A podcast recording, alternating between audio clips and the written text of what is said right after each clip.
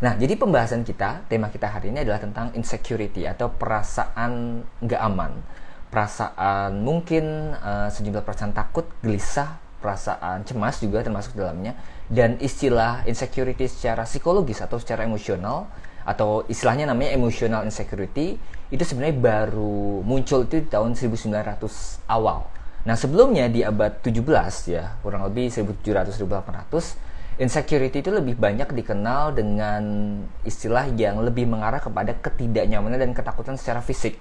Contohnya misalnya takut penjahat, takut uh, terluka, takut dianiaya, takut kekerasan. Pokoknya uh, berhubungan dengan ketidakamanan tapi secara fisik kita. Jadi bahaya, kejahatan dan segala macam. Nah, baru mulai berkembang istilah yang sekarang-sekarang ini malah lebih populer adalah emotional insecurity atau bagaimana kita merasa nggak aman tapi sebenarnya itu terjadi di emosi kita terjadi di psikologisnya kita terjadi secara mental bahwa banyak banget ketidakamanan yang sebenarnya bisa nyata bisa enggak sih? Tapi itu kita rasakan. Nah uh, saya akan fokus kepada lima tipe atau lima kategori yang mungkin kamu punya dari uh, insecurity. Saya pernah vote ya di Instagram juga dan yang ikutan vote lumayan banyak.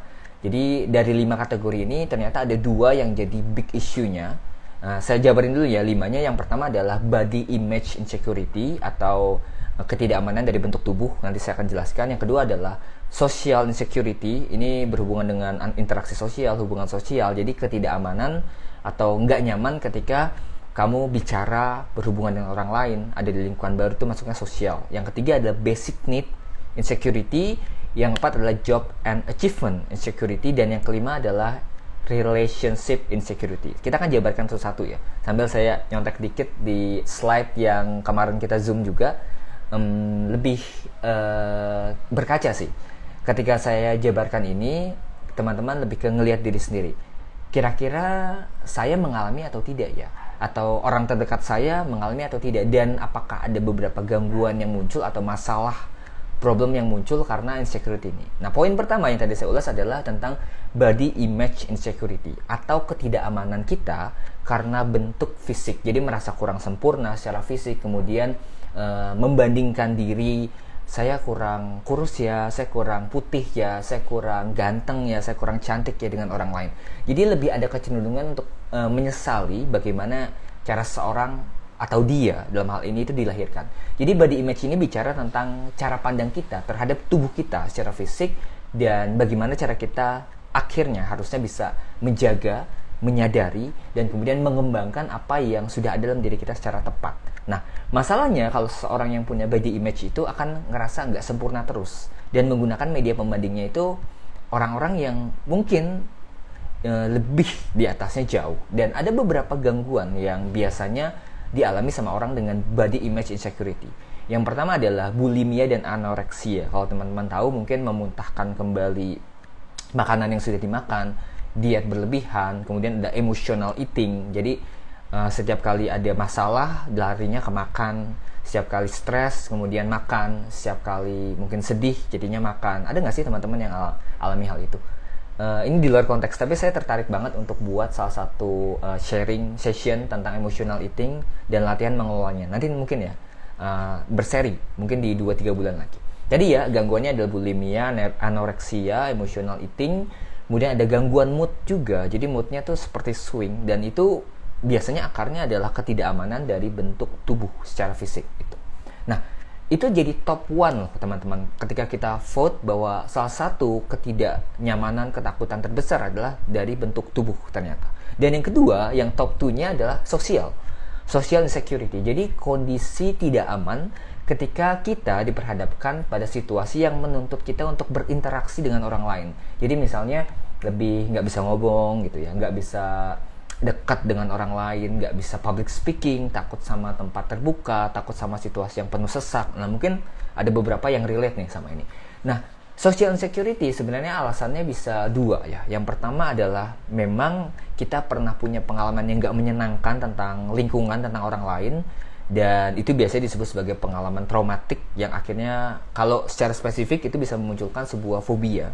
Fobianya bisa fobia yang general atau takut di beberapa situasi tertentu. Misalnya pernah ngomong di depan umum, kemudian dipermalukan atau pernah uh, ada di satu lingkungan kemudian kamu merasa asing atau malah terancam itu banyak banget sebab-sebab seperti itu. Nah, ada beberapa gangguan yang bisa muncul kalau kamu punya social insecurity. Apa aja sih gangguannya? Yang pertama adalah jadi lebih overthinking, ya, jadi lebih mikirin hal yang berlebihan.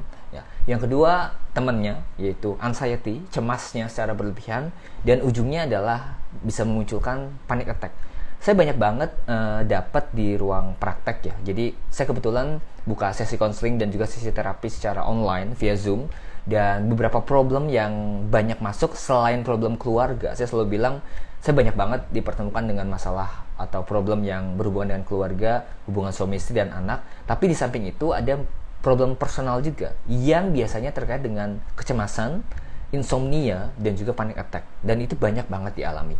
Dan kita memang perlu belajar mengelolanya. Itu yang kedua ya. Uh, masih ada tiga lagi. Tenang teman-teman. Ini semoga masih ini ya stay untuk dengerin karena ada tiga poin lagi.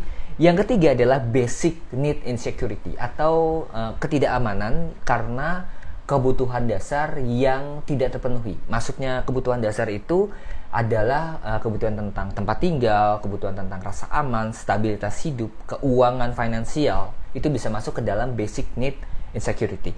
Uh, mungkin teman-teman ada beberapa yang pernah dengar salah, salah satu teori klasik dari Abraham Maslow tentang hierarki kebutuhan.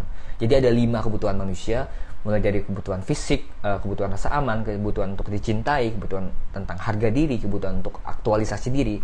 Nah, basic need insecurity ini ngomongin soal dua kebutuhan dasar, yaitu kebutuhan fisik, physical need, uh, makan, minum dan segala macam, dan juga kebutuhan akan rasa aman.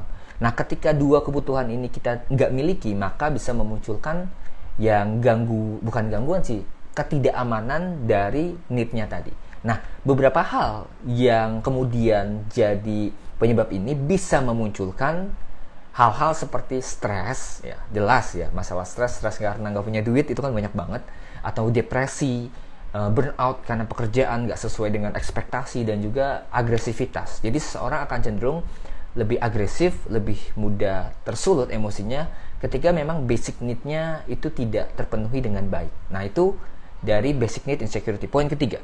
Poin keempat, dua lagi ya teman-teman, adalah tentang achievement atau tentang pencapaian, job and achievement. Ini nggak ngomongin tentang finansial saja, tapi ini ngomongin juga tentang bagaimana cara kita uh, membandingkan hidup kita dengan orang lain. Jadi pekerjaan dan pencapaian ini bisa jadi adalah bagian yang merupakan tuntutan sosial ya ketika kita mungkin masuk dalam fase 20-an uh, eh, ada di quarter life crisis ya kemudian bingung memilih bingung memutuskan kemudian membandingkan diri kita dengan orang lain nganggap prestasi itu sebagai sebuah pencapaian dan pembuktian diri tapi kita nggak dapatin itu dan akhirnya kita merasa nggak sempurna dan terus menerus terobsesi untuk mencapai sesuatu hal yang lebih dan lebih akhirnya memunculkan beberapa perilaku seperti self critical cenderung gampang uh, menilai diri sendiri dengan uh, sejumlah negatif thought. Jadi pikiran-pikiran negatif. Overachiever. Kita berusaha untuk mencapai sesuatu, berusaha untuk menggapai sesuatu yang sebenarnya kita nggak butuhkan, tapi untuk sebagai pembuktian. Berikutnya ada workaholic. Jadi ya jelas ya dari katanya kerja berlebihan dan ada juga perasaan mistrust. Kita nggak mudah percaya lagi sama orang lain dan menganggap bahwa uh, setiap orang di sekeliling kita adalah saingan, kompetitor uh, orang lain itu perlu dikalahkan dan itu sangat terkait uh, dekat dengan job and achievement insecurity. Dan yang terakhir, ini menarik juga nih untuk dibahas ya, adalah tentang top 3-nya. Jadi tadi ya top 1-nya adalah body image, top 2-nya adalah sosial, dan top 3-nya ternyata adalah relationship insecurity. Jadi tentang hubungan dengan pasangan dan juga hubungan dengan orang lain, gak cuma pacaran aja ya. Ini bisa jadi karena seorang itu pernah punya trust issue pengalaman gak menyenangkan ketika berhubungan dengan orang lain. Uh, contohnya pernah dihianati, pernah dibohongi, kemudian uh, akhirnya dia memunculkan beberapa hal ya, seperti misalnya jadi posesif, jadi uh, nggak mudah percaya sama pasangan, memutuskan untuk tidak menikah karena trauma bukan karena sadar ya, tapi karena takut, lebih ke karena takut. Kemudian memutuskan bahwa semua laki-laki itu jahat, semua perempuan itu jahat segala macam. Nah itu karena sebenarnya relationship insecurity. Ketika seseorang tidak menjalin hubungan, dia bisa jadi karena rasa takut. Dan ketika seorang menjalin hubungan juga karena rasa takut. Kenapa? Karena takut sendiri. Takut nggak mampu menjalani hidup ini kalau sendirian. Wah itu banyak banget sih kasus-kasus seperti itu. Nah itu lima poinnya ya saya recap dulu. Ada tadi yang pertama body image insecurity, yang kedua ada social insecurity, yang ketiga ada basic need insecurity, yang keempat ada job and achievement insecurity, dan yang kelima adalah relationship insecurity. Lalu pertanyaannya gimana cara mengatasi insecurity? Saya ada dua teknik sih yang biasanya kalau misalnya problemnya tentang insecurity, tapi setiap case kan unik ya. Biasanya suka saya uh, berikan. Yang pertama adalah uh, kita meminjam teknik dari Carol Dweck growth mindset Uh, tekniknya disebut sebagai alternatif self talk. Jadi kita counter beberapa pemikiran-pemikiran negatif yang ada di pikiran kita karena banyak banget insecurity itu yang awalnya berangkatnya itu dari pemikiran. Saya nggak mampu, saya lemah gitu ya. Ah dia mah nggak suka sama saya gitu ya. Saya nggak bisa apa-apa, saya gagal itu pemikiran-pemikiran yang harus kita cari alternatifnya. Jadi ada teknik yang namanya self talk terapi, yaitu dengan cara uh, memunculkan alternatif pemikiran kita supaya kita ada opsi untuk berkembang dan bertumbuh. Yang kedua ada self love terapi. Kalau ini uh, diadaptasi dari uh, teorinya Gary Chapman ya tentang love language. Jadi setiap dari kita kan punya bahasa cinta dan ternyata bahasa cinta itu bisa untuk nge-recharge uh, diri kita. Nah, kalau teman-teman yang mau tahu lebih jauh full versionnya, uh, kemarin tuh sempat kita buat versi kelasnya di Zoom itu gratis free ya kalau nggak salah dua minggu yang lalu teman-teman bisa uh, ikutan lagi karena setiap bulan kita ada series kelas gratis. Tapi kalau kelewat kelasnya kamu bisa akses di bit.ly slash kelas dash insecurity. Ini adalah rangkaian dari kelas online psikolog adi yang ada 16 tema. Banyak banget ya. Ada tentang overthinking ada tentang inner child ada tentang forgiveness therapy insecurity masuk ke dalamnya dan beberapa soft skill lainnya. Dan yang menariknya Uh, kelas ini kalau sudah rekaman sudah berbayar ya. Kalau misalnya teman-teman ikut yang versi live-nya itu free, gratis. Cuma tinggal daftar aja. Nah, kalau yang untuk yang insecurity ini lagi ada promo dua hari. Jadi hari ini sama besok uh, cuma bayar 30.000 aja, teman-teman bisa dapat full akses uh, sertifikat, kemudian uh, audio terapi, kemudian ada template jurnal, journaling, uh, ada worksheetnya yang bisa diisi dan dapat audio tambahan tentang quarter life crisis. Jadi kalau misalnya berminat, saya tulis ya di sini bit.ly slash kelas uh, psikologi untuk ikutan, untuk join uh, di kelasnya ada 16 tema. Dan untuk khusus untuk yang tema insecurity yang tadi saya share itu ada banyak banget bonusnya. Mulai dari potongan harga cuma bayar 30.000 aja aksesnya selamanya jadi teman-teman bisa akses sekarang, besok sampai seumur hidup gitu ya.